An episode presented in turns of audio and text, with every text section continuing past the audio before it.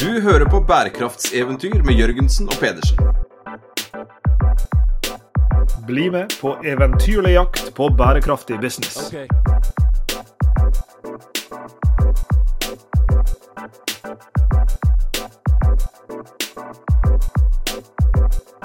Hvis jeg noensinne blir skutt på åpen gate, Sveinung, så er det antageligvis en eller annen som er lei av at jeg beskriver alt i verden ved hjelp av en fotballmetafor. og det er vel ganske stor sannsynlighet for at det kanskje er du som står og holder våpenet på det tidspunktet. Du, det er ikke bare jeg som ville skutt deg på åpen gate, for å, for å, for å si det sånn. Det, det, står ikke på fotballmetaforer, men eh, det er jo ikke noe hemmelighet at vi er, eh, er glad i fotball. Det er ikke noe hemmelighet at vi har denne sesongen blitt eh, ekstra glad i et uh, bestemt fotballag i, i Norge. Og hjelpe meg. Ja, vi Etter snart et kvart århundre i, i Bergen by, så, så, kan en jo fort uh, ramle i, i fella av å bli glad i sportsklubben Brann. Men vi har jo, som du sa, spesielt god grunn til det i år, fordi sammen med gode kollegaer på Center for Sustainable Business, både professor Skiv Skar, som uh, sitter i styret til sportsklubben Brann, og Eh, stipendiaten eh, Hege Landsvik eh, og stipendiaten Jaref bin Martusa, så har vi kjørt eksperiment på alle Brann sine hjemmekamper i Eliteserien i år. Og, og, det kommer vi til å fortelle mye mer om framover. Men det er ikke nøyaktig det vi skal Eller i hvert fall ikke bare det vi skal snakke om i dag, men vi skal snakke om sportsklubben Brann definitivt, Sveinung. Og vi skal koble det til bærekraft. Vi skal det, men det er jo ikke noe hemmelighet at da vi ble kontakta av Brann, så, så håpa du du håpa jo for en gangs skyld at det ikke skulle handle om bærekraft. Ja, altså, jeg, jeg, lå jo, altså, jeg regna med at det lå en sånn halvsignert kontrakt klar. Fordi OK, så er ikke jeg blant de sånn 1% beste venstrebackene i, i Norge, men, men, kanskje blant de 1% dårligste. Så men det var ikke kontrakten som, som lå der til signering? Det var ikke det, gitt. Uh, og, og, eh, for å si det sånn, så, så var det jo heldigvis bærekraft som, som, som, lå på agendaen. Jeg tror det er greit, selv om uh, du har blitt observert uh, i levende live på Stemnemyren. sklitakre din 14 år gamle datter alene på vei mot mål, som om du Ja. De skal jo få noe å bryne seg på. Jeg er på samme Stemmemyren Stadion, som for øvrig inntil nylig har vært hjemmebane til sportsklubben Brann sitt damelag, som jeg er sikker på vi skal snakke om i denne samtalen. Eh, så har jeg også knukket venstre lillefingeren min to ganger begge gangene i forsøk på å ta brassespark. Men, men nok, om, eh, nok, om, meg. Vi skal snakke om, om, fotball og bærekraft, og mer spesifikt bærekraftsarbeidet til sportsklubben Brann, som det har blitt mer og mer av, og som eh, ja, litt biased her, da, eh, som det kommer mer og mer resultater ut av. Og for å, for å gjøre det, så har vi invitert vår gode venn Therese Anvik Rygg, som er leder for marked, kommunikasjon og bærekraft på, eh, på stadion og i sportsklubben Brann. Eh, dette er en samtale vi gleder oss til. Velkommen til Bærekraftseventyr, Therese. Tusen takk. Jeg har liksom, Et av de, sånn, de første spørsmålene jeg, jeg, må innrømme at jeg har til deg, eh, Therese, det er jo liksom ut fra egen erfaring. For jeg har jo vært mye på Brann stadion nå det siste året, og på Stemnemyren, og, og, fått lov til å se på, på damene knuse, knuse, Rosenborg, så fikk vi, så fikk vi sagt det òg. Eh, men det var én uke der spesielt hvor det først var Champions League-kvalifisering for damene, hvor de selvfølgelig vant. Eh, og så var det en, en, herrekamp på stadion, og så var det den der RBK-kampen eh, etter det. Og jeg må innrømme at jeg da i hvert fall én uke gikk og sang 'Det går et sus' over stadion. Eller uh, 'Vi synger hva vi vil'. Så tenker jeg, dere som er sånn tett på den klubben hele tida, er det mulig på en måte å stenge det ute, eller går det på repeat hos dere også? Nei, vet du hva, det, det, kan gå på repeat, men jeg syns det er bare positivt. Det er utrolig. Det er noe det er noe fantastisk med den lyden av supportere som synger sanger. og Som ofte så er det bare på stadion vi hører det, vi får ikke det på butikken eller på vei til jobb eller i garasjen. Jeg tror jeg skal ta en prat med legen min, da, for det, det kan jo hende at det ligger, ligger hos meg i en by da, med nesten eh, sånn rundt 300 eh, 000 innbyggere, så er det jo minst 800 000 synspunkt på enhver ting som knytter seg til denne klubben. Eh, og, og, midt oppe i alt dette her, da, som handler om sport, det har jo vært et sportslig eventyrår for, for klubben, både på herresida og, og kvinnesida. Men midt oppi alt dette her, så har det altså blitt satt i gang en stor bærekraftsatsing på på, på stadion, og, og, for så vidt i fotballen mer generelt. fordi at dette her, og det skal vi komme inn på, det, det stilles jo i økende grad krav til klubber både nasjonalt og internasjonalt eh, om dagen med hensyn til bærekraft. Men, men, jeg har lyst til å spole litt tilbake eh, før, eh, med koblinga mellom det som denne bærekraftseventyrserien i stor grad handler om, nemlig koblinga mellom bærekraft og forretningsmodeller, da, på et vis. Og, og, Sveinung stilte deg et spørsmål en gang, husker jeg, på, på, eh, på stadion eh, når vi satt og, og drodla en dag.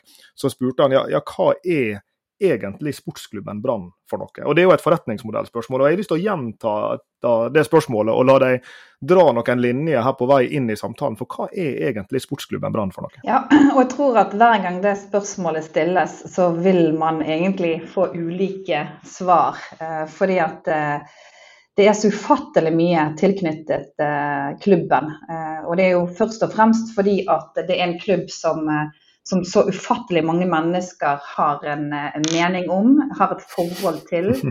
Har et langvarig eh, forhold til, og noe har et kortvarig forhold til. Så det er litt sånn eh, Det er omtrent på dagsformen min, da, hvordan, hvordan svaret blir. Eh, og det, og, det, merker jeg flere som er både ansatt i Brann, eller har en tilknytning til Brann, eller er supporter eller medlem, eller egentlig hater Brann òg. Eh, mm. Alle sammen har en eh, vil helt sikkert ha ulike svar når du spør hva egentlig sportsklubben Brann er for noe. Eh, og det er liksom det, det, er på en måte et eh, kjærlighetsforhold til en merkevare som er, som er like, mm. like, tett som egentlig det er å være bergenser, egentlig.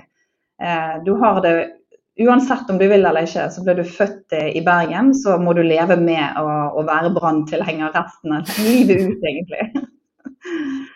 Eh, så, så det er, det er Sportsklubben Brann det er så ufattelig mye mer enn en fotballklubb. da. Hvis vi tenker på dette her i litt sånne aktivitetstermer, da, fordi det, det, sitter sikkert noen lyttere her som, som, ikke har et forhold til fotball i det hele tatt. og Hvis vi tenker på sånn aktivitetsspennet knytta til det å, å, drifte sportsklubben Brann. Det er jo lett å se for seg eh, disse eh, drøyt 100 meterne med gress og, og 22 mann og, og, 22 kvinner som løper rundt der.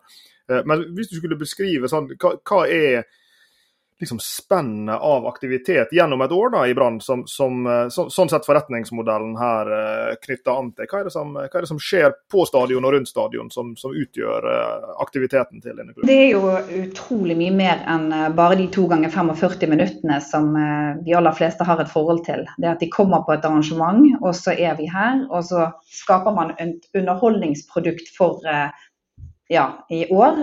et snitt på over 15 000 mennesker. Og det i seg selv er jo en stor jobb. Det er at du skal huse så mange mennesker annenhver helg i sesong. Eh, og Hvis man sammenligner det med andre typer arrangementer, så har man konsertarrangører eller andre sant, som ikke nødvendigvis har så mye folk engang. Som har en hel stab som jobber inn mot en kortere periode, mens vi har en lengre periode i løpet av et år. Så vi deler jo egentlig sesongen opp i tre. Sant? Man har preseason, så har man hovedsesongen, og så har man da kortere og kortere pause egentlig før man starter opp igjen eh, på nyåret.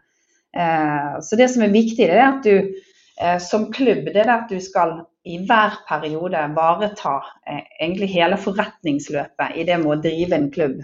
Eh, og det er, det er utrolig spennende, men det er mye å tenke på. Og, og det aller viktigste vi gjør, det er jo selvfølgelig å skape et et underholdningsprodukt som eh, bergensere skal være stolte av. Eh, og Det er jo det vi, det det vi jobber med hele tiden. Så En av de aller, for, aller største strategiske målsetningene våre det er jo faktisk at vi skal skape et stort engasjement for bergenserne når de er her på stadion. Så er engasjement så utrolig mangt. Eh, for det at man skal skape engasjement i ulike former. Man skal skape engasjement med at man får Eh, at man bryr oss, bryr oss mot, med, om befolkningen, om samfunnet, eh, om de rundt oss, om de som er tilknyttet tett til brann, og de som ikke er det. Eh, og vi har Det er en av våre aller viktigste verdier. Så, så det, er, det, er, først og fremst et engasjement. Vi, det er det som er oppdraget vårt. Check it out.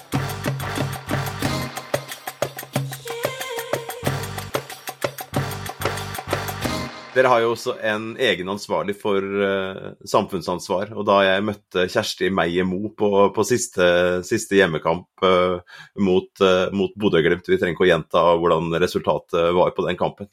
Men Men uh, jeg møtte jo da ei dame som, som, løp fra den ene delen av stadion til den andre. For her var det én gruppe som var på besøk uh, ett sted. Det var noen ungdommer med noen utfordringer, og så var det en helt annet sted på stadion. Så var det en annen gruppe som var invitert, og så var det en tredje, og så var det en fjerde. Og jeg tror hun løp omtrent like mye som i hvert fall, hvert fall linjedommer i løpet av den, den, den, den, kampen der. For det, som du sier, disse aktivitetene å skape det engasjementet, og som Lars Jakob og, og, vi har vært inne på, så, så, strekker det seg langt utenfor det som skjer på matta på en, på en sånn kamp. Hvis du skulle tatt en sånn eh, fem på topp-liste over de viktigste sånn, samfunnsansvarstiltakene og, og, engasjementet dere gjør, hva er det som, ville, er det som kommer først uh, ja, to mind, for å si det på utenlandsk? Ja, altså det, det som veldig få vet, da, det er jo eh, Eh, akkurat de prosjektene som du snakker om der. For det at før en, eh, en, kamp på stadion, så begynner vi jo egentlig eh, noen uker før. For vi har bl.a. 200 billetter som vi kaller for Hjertebilletten, som deles ut til, til barn eh, og unge voksne som eh, kanskje ikke har det så bra i, i Bergen. Eh, så disse deles ut og tas imot, og så får de en plass på, på stadion. Og da har vi ulike kontakter med kontaktpersoner som driver institusjoner rundt i Bergen. Eh, og når arrangementet er i gang, så har vi jo eh, så jo Mothjørnet, eh, der vi har en fast avtale med Mot. At de plukker ut ungdommer på ulike motskoler som har gjort et eller annet eh, eh, som de får en belønning for. Da. Enten at de har vært mot til å stå opp for andre eller for seg sjøl bl.a. Eh, og så kommer de, og så har de et hjørne på stadion der det er 30 ungdommer som er hver gang. Og Da har vi et program til de sammen med leder for MOT eh, med ulike workshops, oppgaver. Så de kommer en god stund før kamp og starter egentlig dagen sin der. I tillegg så har vi jo en losje oppe i fjerde etasje som vi kaller for Hjertelosjen. Eh, har vi, eh, den har vi tildelt Haukeland sykehus og barnekreftavdelingen. Og Den losjen får et barn eie på kampdag, og barna får lov til å, å, invitere de de ønsker å ha med. Enten om det er venner, familie eller andre. Så da tar vi imot de, og så har vi et opplegg for de oppi, mot, eh, nei, oppi hjertelosjen òg. Der selvfølgelig spiller ut av tropp kommer og, og hilser på. Eh, og så har vi jo samtidig disse spillere ut av tropp. De skal da opp til hjertelosjen, de skal bort i mothjørnet. Og så skal de ned i fanzone. Og det er òg noe som vi følger de rundt, da, sånn at vi ser at de, de, treffer eh, de ulike gruppene som vi ønsker å sette stor pris på på kampdag. Eh, så, så det, liksom, det skjer hver kamp. Og så utover kampen, ikke sant, så, så, er det noe som var uh, nytt for meg. Og det, det er dette gatelagene. Jeg har jo hørt om det før, men jeg ante jo ikke at det var så dypt vevd inn i, i klubbens uh, aktiviteter. Gatelaget er vi enormt stolte av. Eh, og det er sånn som Når vi er ute og holder prestasjoner om Brann, så viser vi tre av våre kapteiner. Eh, og Da har vi Cecilie Reddish Kvamme, vi har Sivert Helte Nilsen og vi har Frode på gatelaget. Og Det er noe med at alle de tre står for gode verdier, eh, og de skal representere klubben på en god måte. Og Det sier litt om hvor høyt vi verdsetter gatelaget vårt. Eh, de trener jo her hver tirsdag og torsdag. Eh, og vårt mål i klubben er å produsere så mange rusfrie timer som mulig i løpet av et år. Og Derfor har vi valgt tirsdag og torsdag, sånn at de har eh, en, ja, et, virkelig en uke de kan se frem til og, og eh, ja, er her hele tirsdagen med. De starter med både frokost, de har eh, trening og de har eh, mat i etterkant av det igjen. og Det er en veldig sosial og fin samling der de kan være her hele dagen.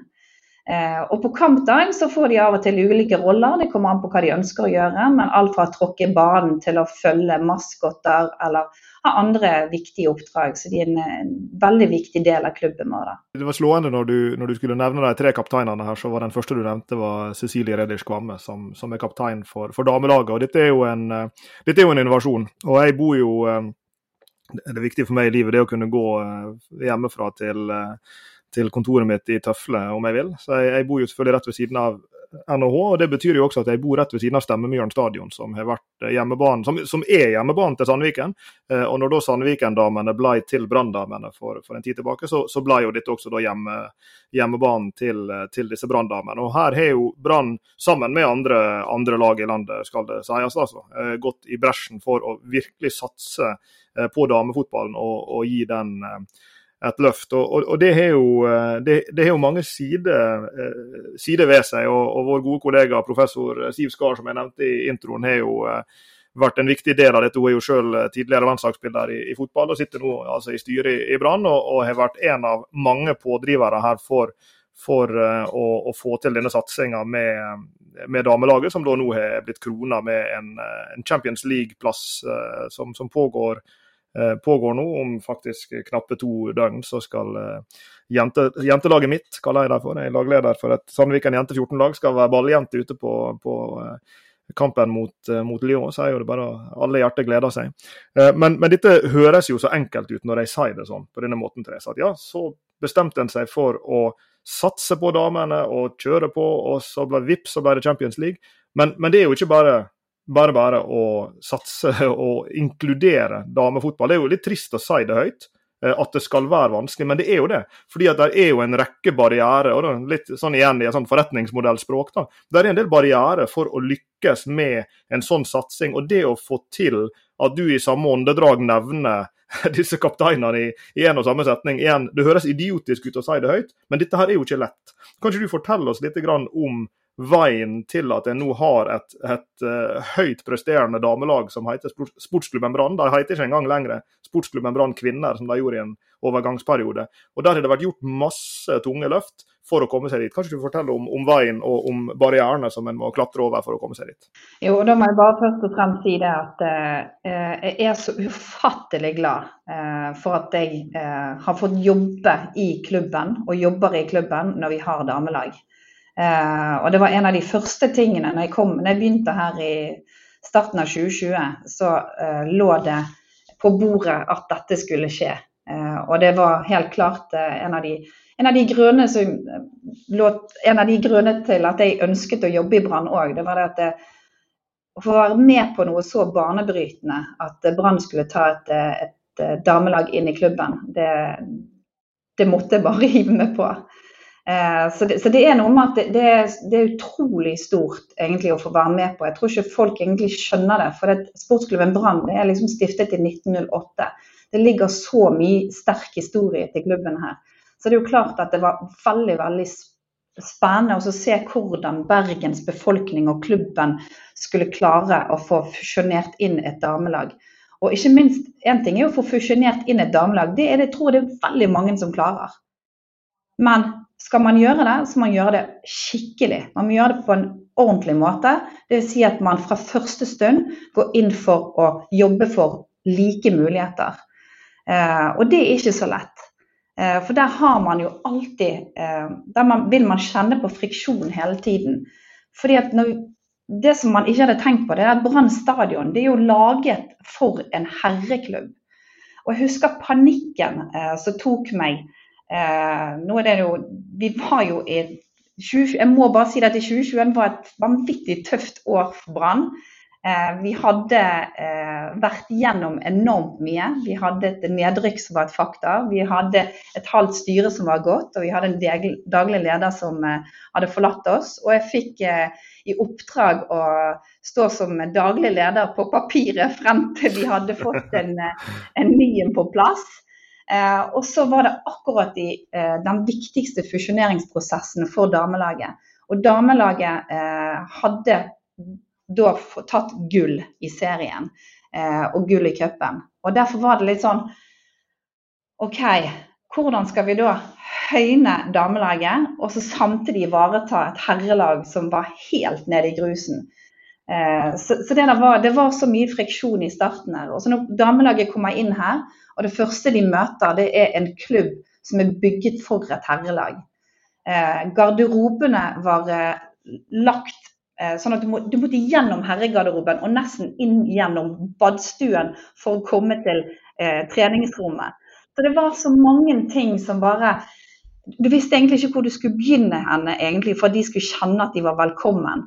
Så jeg husker første møte jeg hadde med jentene når de kom inn her. De var spente. Eh, de gledet seg enormt til å bli en del av Brann. Og så var det med dette møtet, så måtte de tilbake til stemmemyren og fortsette egentlig som før. Bare med merkevaren Brann på brystet. For vi var nødt til å gjøre oss klar. Vi ville egentlig ikke at de skulle være kasteballer når de kom inn her. Kastet fra det ene til det andre. Så det er jo klart at det er, det er så mange små detaljer eh, som har vært med på denne reisen her, da, som har vært enormt erfarings, erfaringsfullt. Eh, og jeg er utrolig glad for at jeg har vært med på dette. Men det aller viktigste det er det at eh, det har vært utrolig kjekt å jobbe med. Eh, jentene har vært enormt forståelsesfulle. Det de har vært, hatt fokus på, det er at de skal trene godt, ha gode fasiliteter og gjøre seg klar til det som er det viktigste for dem, det å spille god fotball.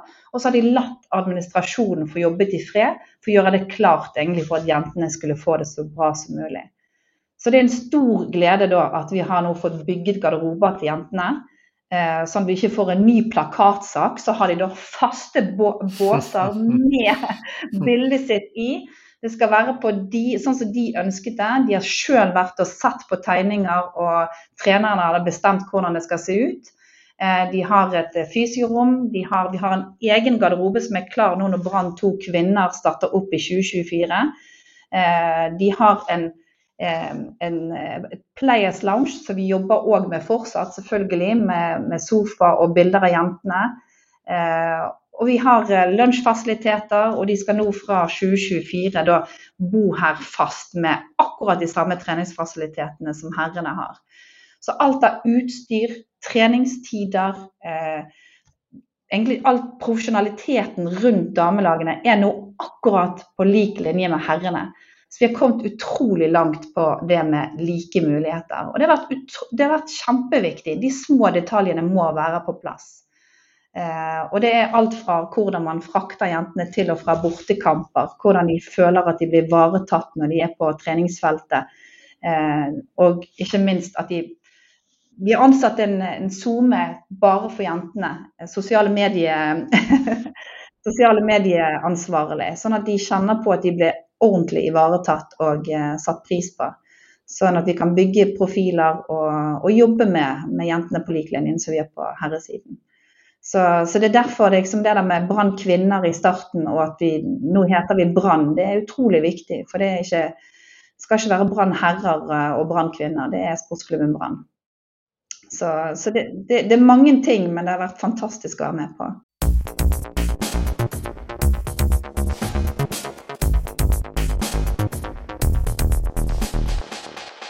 Og du er jo eh, da leder for bærekraft, som jeg sa innledningsvis. Men du er jo også kommersiell leder i, i Brann. og, og i, eh, når jeg og Sveinung blir bedt om å enten snakke om eller skrive om sammenhengen mellom bærekraft og lønnsomhet, når og under hvilke forutsetninger kan bærekraft lede til lønnsomhet eller til konkurransefortrinn av ulik art, så sier vi ofte noe i retning av at ja, hvis du gjør bærekraftsatsinger som gjør at du kan tiltrekke deg ressurser du ellers ikke ville fått tilgang til, så er det en av de typiske måtene vi ser at, at bærekraftsatsinga kan bli omsatt i, i, i mer lønnsomhet eller, eller, mer konkurransekraft. Og um, Det er jo fristende Therese, i lys av det du forteller om her nå. For du snakker om en behovet for en ombygging av garderobe og andre fasiliteter. Behovet for å kunne kunne utføre en del arbeid som, som er jo ikke gratis.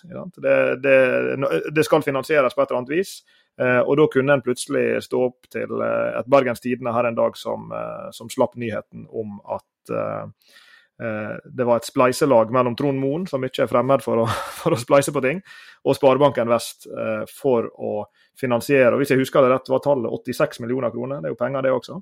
Eh, for å finansiere denne satsinga her. Og, for de som da skal sitte og forene bærekraftsprestasjonene og de kommersielle prestasjonene, så er vel dette et godt eksempel på hvordan eh, disse satsingene begynner å betale seg. Ja, det er helt klart. Eh, og det er utrolig Jeg kjenner jeg er veldig stolt av å si at disse pengene hadde aldri kommet til klubben, hadde ikke det vært for damelaget vårt. Og det er jo det som er det, at vi, dette er jo Dette her er vil løfte damefotball, ikke bare i Bergen, men i hele Norge og ut i Europa. Eh, fordi at vi, vi er vel en av de første klubbene som bygger en arena for to topplag. Det er ikke sånn at jentene kommer inn og får låne banen, banen til herrene. Nå bygger vi en klubb basert på to topplag. Og det er det som er den store forskjellen. De de, de, de er ikke her som nummer to-laget. Jentene de er likestilt eh, med guttene.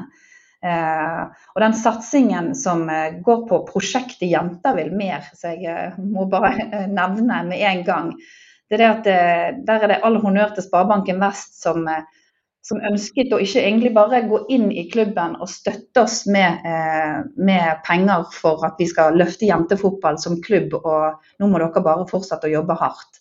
Men de ønsket å bidra med å, å snakke om det, eh, og vise egentlig det at eh, her er vi en, eh, en samarbeidspartner som ønsker å gjøre dette her langt utover det med å bare ta penger inn i klubben. Så det, det, har vært et stort prosjekt som vi har jobbet med, med både forskning fra NHH sin side for å, for å ta litt temperaturen på, på, hva er det egentlig som gjør at ikke jentefotball er likestilt med guttene. Eh, og eh, samtidig har vi jobbet eh, prosjekt, med prosjekter rundt de funnene som vi har, som har kommet frem til. Så, så, det å ha det i bunn, og når vi snakket om fasiliteter og hvordan vi skulle klare å få jentene inn på Brann stadion, så har vi to store aktører i, i, Bergen som ønsket å bidra til at dette skulle bli en virkelighet. Eh, og det er, jeg tror dette kommer til å ha en eh, god lønnsomhet i, i tiden fremover. Det som er viktig, det er at eh, jentene de har sitt eget budsjett. Man jobber med sponsor på jentesiden, man jobber med sponsor på guttesiden. Man har en, en, en stadion ute på Stemmemyren eh, som ble for liten. Vi hadde solgt ut drakten, og vi hadde solgt ut alle våre synlighetsplasser. Når de kommer inn på Brann stadion her, så har vi mye mer å selge til jentene. Så etter hvert så vil det budsjettet øke i takt med at vi får eh, god stabilitet på flere tilskuere inne. Eh, og vi har et sponsormarked som er veldig interessert og virkelig ønsker å sponse Brann. Ikke bare fordi de tenker at det er bærekraftig, men fordi de har oppdaget et jentelag som virkelig spiller underholdende og gøy fotball, og har fantastiske profiler med fantastiske verdier. Så det er dette vi ønsker skal smitte ut på, på resten av, av, landet og befolkningen. Så det, er, det, kommer til å bli veldig veldig spennende å se hvor dette tar oss hen. Hvis jeg tar en liten sånn uh gjennomgang av det vi har vært innom her nå, så, så er det ikke rart at vi har vektlagt nå i begynnelsen den sosiale. Eh, det er mennesker, dette her. Eh, mennesker i aktivitet, det er, eh, det er, det er helse, det er, det er fans som, som, som, er på hjemmekamper og som følger på bortekamper, det er kvinner involvert, det er folk med ulike typer plager som dere, som, dere, gjør aktiviteter for å, for, å, for å, løfte opp rundt denne, det du kaller denne merkevaren. Da. Og, det å skape engasjement. og den andre delen av bærekraft her, for nå har vi både vært inne på den, den sosiale dimensjonen, vi har diskutert den økonomiske dimensjonen, og så sitter jeg og tenker litt på, på, på miljøet her. For vi som har sett på fotballen litt utenfra da, over tid, vi har jo lagt merke til det at det kommer flere og flere krav til også fotballklubber om at eh, dere skal gjøre noe med de skyggesidene som en, en, en, fotballklubb har, eller fotballen totalt sett uh, har.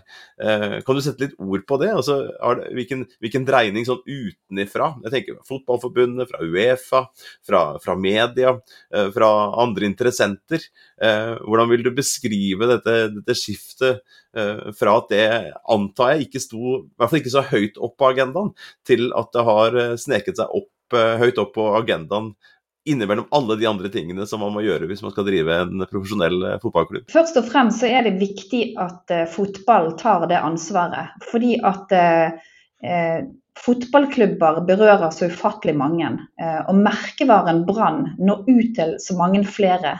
Eh, så det er utrolig viktig at vi setter fokus på eh, bærekraft. Eh, og, det, og det, er, det, er, utrolig viktig. Og så er det jo noe med at ja, vi har et prosjekt som heter Fotball for the Goals. og det omfavner egentlig alle eliteserieklubbene og et samarbeid med FN og Uefa, som du nevner her i starten. men det er jo Eh, og ikke minst har vi et samarbeid med TV 2, for det, der kommer media inn. Det er viktig òg at man faktisk får ut og frem disse prosjektene her. Eh, og det er veldig mange som følger med på fotball. Vi har høye seertall. Det er veldig mange som bryr seg om klubben. Det er veldig mange som leser om eh, sportsklubben Brann. Eh, vi har vel alltid en toppsak på BT og BA lokalt her til enhver tid. Og hvis vi kan bruke den stemmen vår på en god måte, så er det kjempeviktig. Så det er jo ikke uten grunn at eh, Eliteserien har veldig fokus på pride når vi nærmer oss eh, sommermånedene. Vi har en stor stemme når det gjelder stopp rasisme. Vi blir sett på nøye når vi har hvordan vi egentlig hvordan vi jobber som klubb egentlig for å, for å straffe de menneskene som bryter egentlig klubbens verdier og lovverk.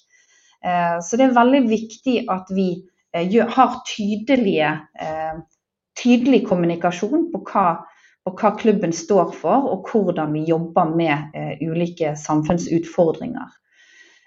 Og Samtidig er det noe med at vi har jo kalt prosjektet for Grønn stadion, da, men miljøet er òg veldig viktig. Når du ser på en stadion, og vi har 15 arrangementer i løpet av en sesong, vi er ikke vi er ikke de verste eh, utslipperne eh, av ulike organisasjoner. Men samtidig er det noe med at eh, vi er nødt til å vise at vi tar grep. Eh, vi gjør de små tingene. Eh, og det kan endre egentlig på måten andre tenker på. For vi når ut til så ufattelig mange med vår, eh, våre holdninger og vår atferd. Så det er, det er, utrolig viktig at vi som, vi som, er klubber rundt i Norge, og spesielt Eliteserien, og faktisk Obos med Vålerenga nede nå, da, som er en stor merkevare, så er det viktig at vi bruker vår, vår stemme til noe veldig fornuftig.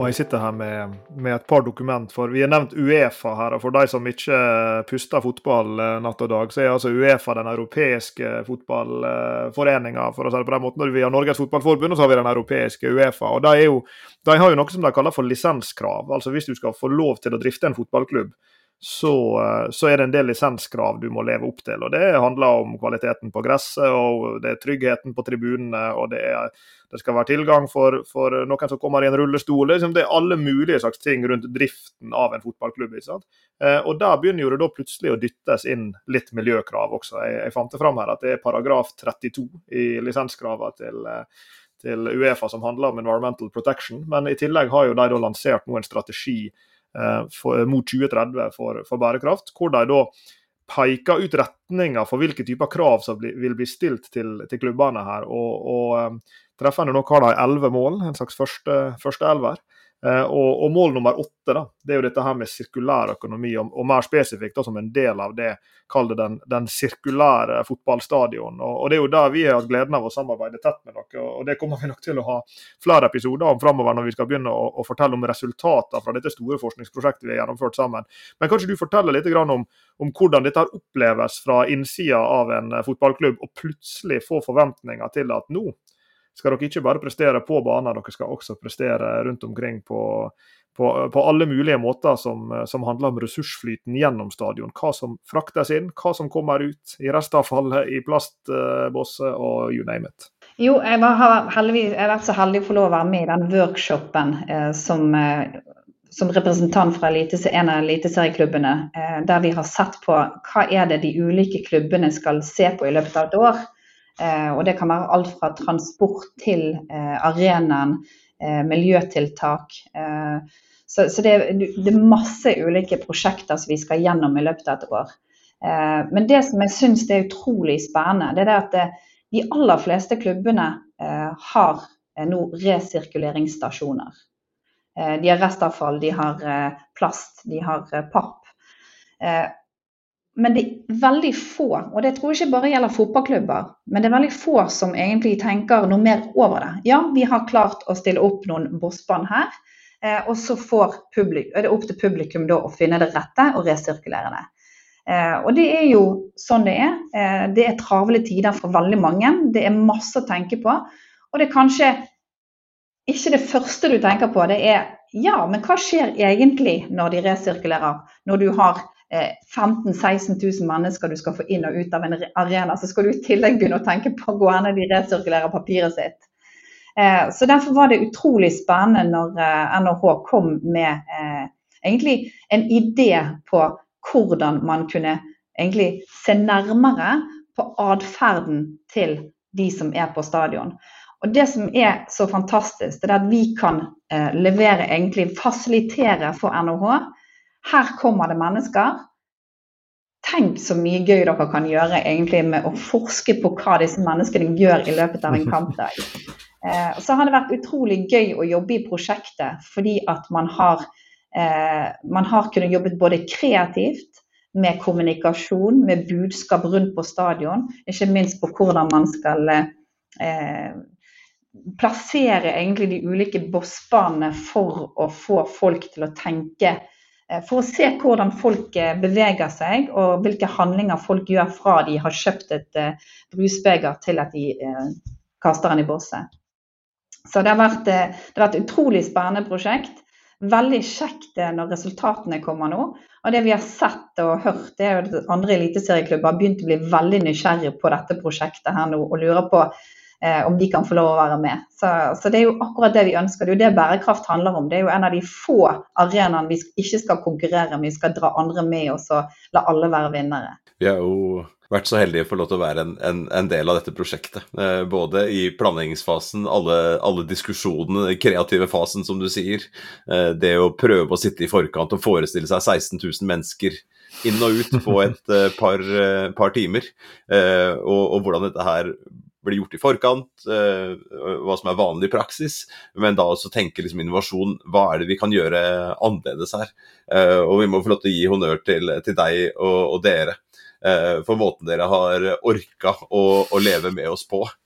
For det, det, er ikke bare bare å gi bort hele dette systemet på en så stressa dag. Eh, for det vi ikke har snakket om her, er jo hvordan denne stadion i løpet av en, eh, et, et, år, da, i dette årshjulet som du snakket om i sted, ja, det skal trenes der, men der bor det folk. Studenter i studentleiligheter som er en del av anlegget. Det er en barnehage der, NTG har skolen sin der. Det er mange ting som skjer i løpet av hele året. og det som overrasket meg litt, litt, er jo sånn hvordan dere må rigge om denne stadion før hver eneste kamp til å kunne ta imot uh, alle disse folka. For det er jo helt andre typer aktiviteter som skjer i, i dette store bygget eh, i løpet av, uh, av, av, året. Så det at vi har fått lov til å gå inn der og bestemme hva som skal gjøres på de ulike tribuneanleggene, og legge oss borti bortetribunen, som vi skal i hvert fall ha en episode på, på seinere, med, med, det vi kaller sånn gamification, det å, å, å prøve å spille på både følelser og fornuft og, og leke. Eh, med disse her eh, tilskuerne på de ulike eh, delene av det. Og, og kanskje det aller, aller Det jeg er mest imponert over, er at dere har klart å holde kjeft om dette her et helt år. For dere lever jo av å fortelle disse historiene om hva dere gjør, hvorfor dere gjør det, skape dette engasjementet. Og så har dere adoptert så tidlig da, dette her språket og den fornuften og den logikken som var så viktig for oss. Det å kunne eksperimentere med disse ulike delene. Og Jeg husker deg i en, en, diskusjon vi hadde om vi skulle gjøre sånn eller slik, så sier hun nei, nei, nei, nei, vi må huske på at den og den tribunen, det er en kontrollgruppe. Så der må vi ikke gjøre, for da kan det gå utover dataene. Så du blir jo mer aggressiv på i, i, forskningens tjeneste enn det, enn det, vi husket på å, å være selv. Uh, men, men, det at dere har åpna på den måten, uh, med ressurser, alt fra frivillige, alle de som jobber med drift rundt disse arrangementene, og helt opp i, i, i toppledelsen, og også åpne opp hele dette garasjeanlegget hvor vi har sittet på knærne med 15 studentassistenter etter hver eneste kamp. Eh, vi fem, som Lars Jakob nevnte navnet på i stad, vi som har på en måte dette som jobben vår. Eh, og da disse studentassistentene som har vært med og sittet eh, på knærne og sortert eh, bacon, sånn våte sånne baconcrisp fulle av Pepsi, eller Cola, unnskyld, feil sponsor, eller feil samarbeidspartner, etter kampene. Og, og, både spillere og andre som har brukt dette garasjeanlegget, som i, i begynnelsen tenkte hva i all verden er det som skjer, vi, vi klarer ikke å kjøre bilene våre ut etter kampene, til å etter hvert begynne å akseptere det, slå av en prat, lure på hva vi holder på med, og, og ikke bare vi som som har gitt dem en klapp på ryggen etter en god kamp, men de har også gitt oss en klapp på ryggen etter at, eh, at vi har bort, gjort vår innsats. Så det har vært et fryktelig artig, artig samarbeid. Og så skal du huske på det at eh, vi som er ansatte i Brann og jobber her, vi har vært utrolig stolt av dette prosjektet òg.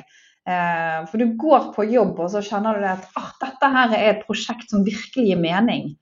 Eh, for vi, vet, vi, har skjønt etter hvert at dette er et prosjekt som kan adopteres av egentlig alle som har arrangementer. Eh, ikke minst når du snakker om gamification og det vi har gjort innenfor nudging. Eh, måten vi har Vi har jo Det som har overrasket meg mest, er jo det at jeg har på forhånd egentlig forhåndsdømt resultatet og blitt overrasket over Hæ, tok jeg feil på dette? F.eks. invisible bags. Sant? Eh, til at selvfølgelig vil folk sortere bedre der. Og så er vi jo litt usikre på om resultatene peker i den retningen. Det har vi ikke fått svar på ennå, men det beveger seg mot eh, kanskje at vi har tatt feil der. Og det er jo det som er det kule med prosjektet. Det er det at eh, du har en forutinntatt mening, og så viser det seg at nei, vet du hva, der tar dere feil.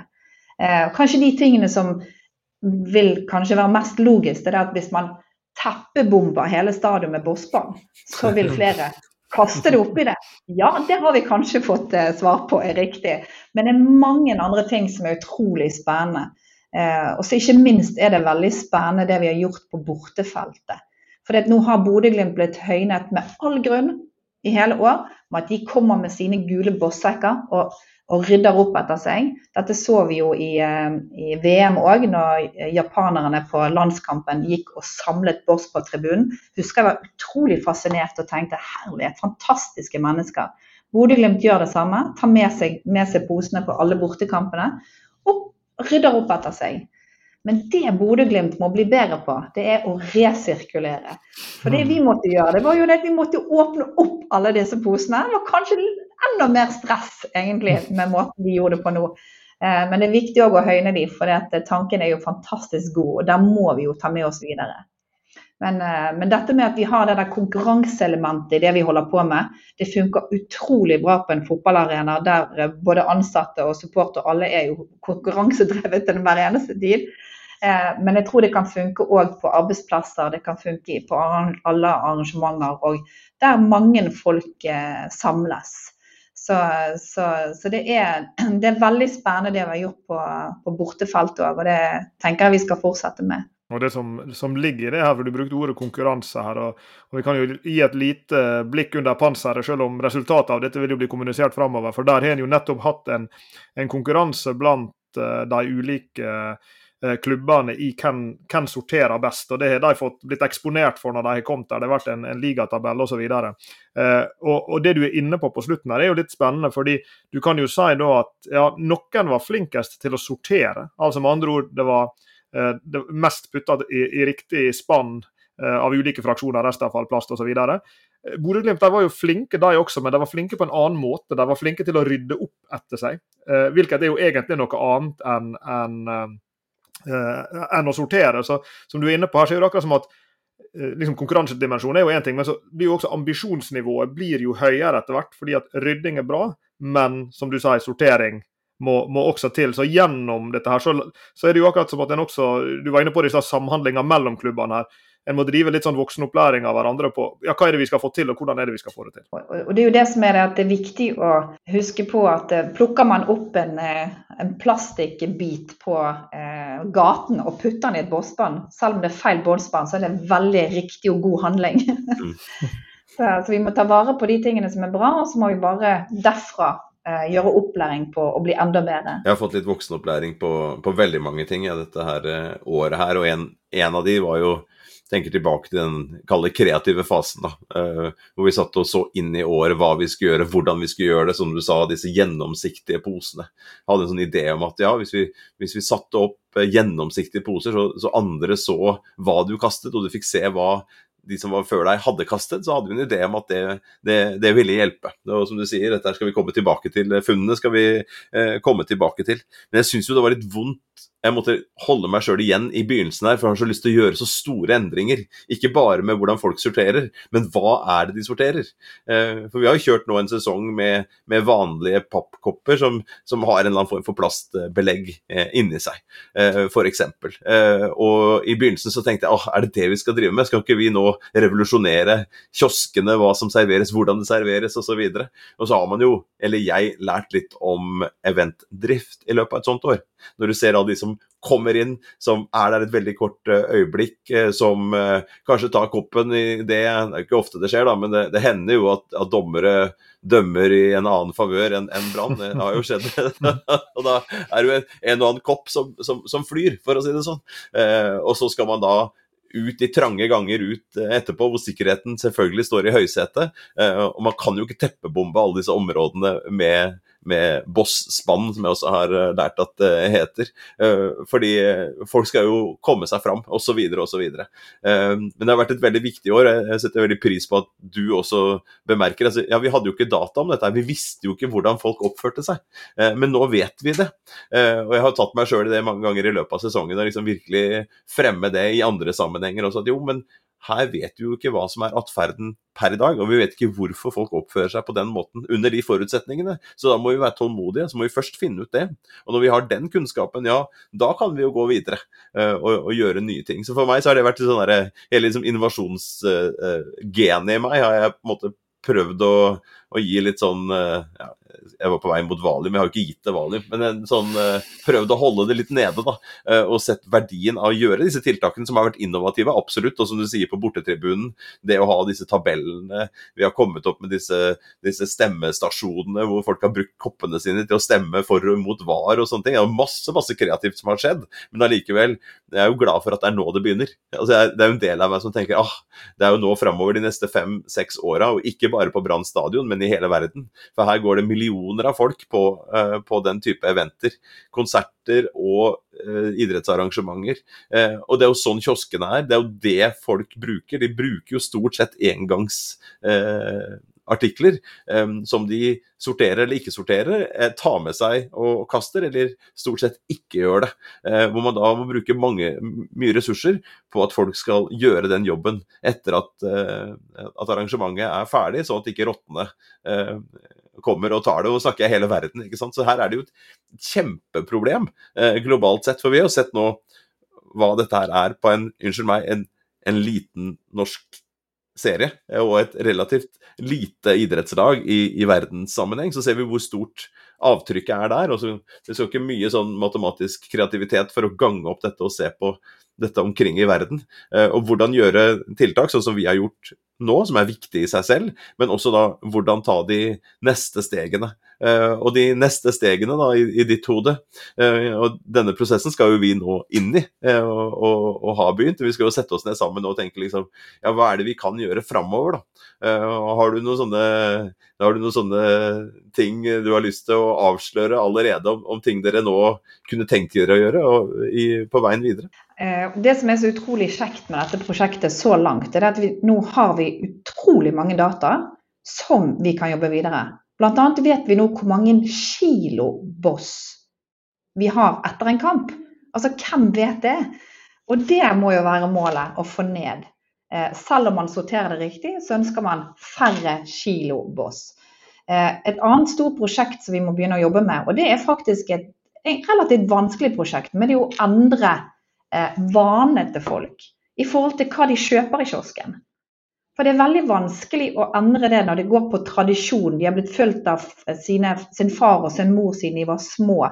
Og egentlig fått den samme hotdogen, den samme popkornbegeret og den samme colaen i det begeret med eh, plast inni. Eh, det kommer til å bli et når vi endrer egentlig både på matvarene og på innholdet. Eh, så, så, alle de tingene der må vi gjøre underveis, og med god dialog med supporterne, som er veldig positive. Eh, og så er det jo noe med at Kioskene også skal jo drives og gå i, i overskudd. Sant? Så de er jo litt bekymret for de varene man skal selge som de vet ikke support. De tenker sjøl at ikke supporterne vil ha. Men det som er forskjellen med det møtet vi har hatt med de ulike kioskene før og nå, at vi sitter på data som er så bra.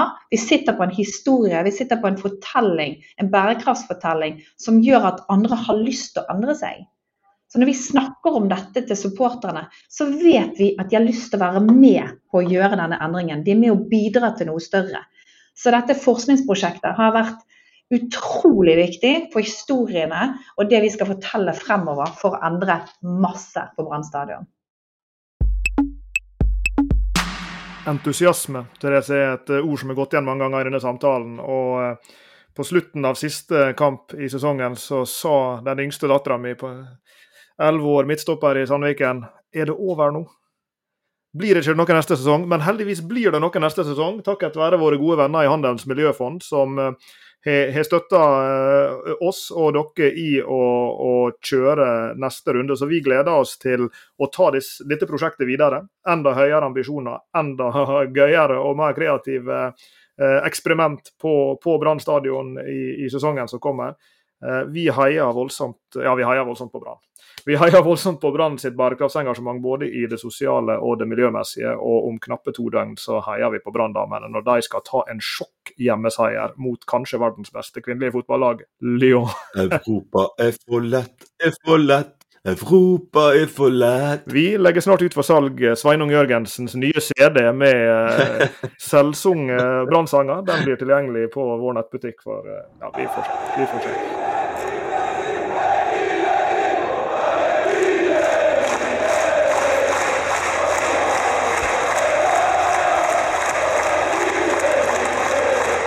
Therese, tusen takk for at du kom i Bærekraftseventyrstudio og prata med oss. Og eh, vi gleder oss til veien videre.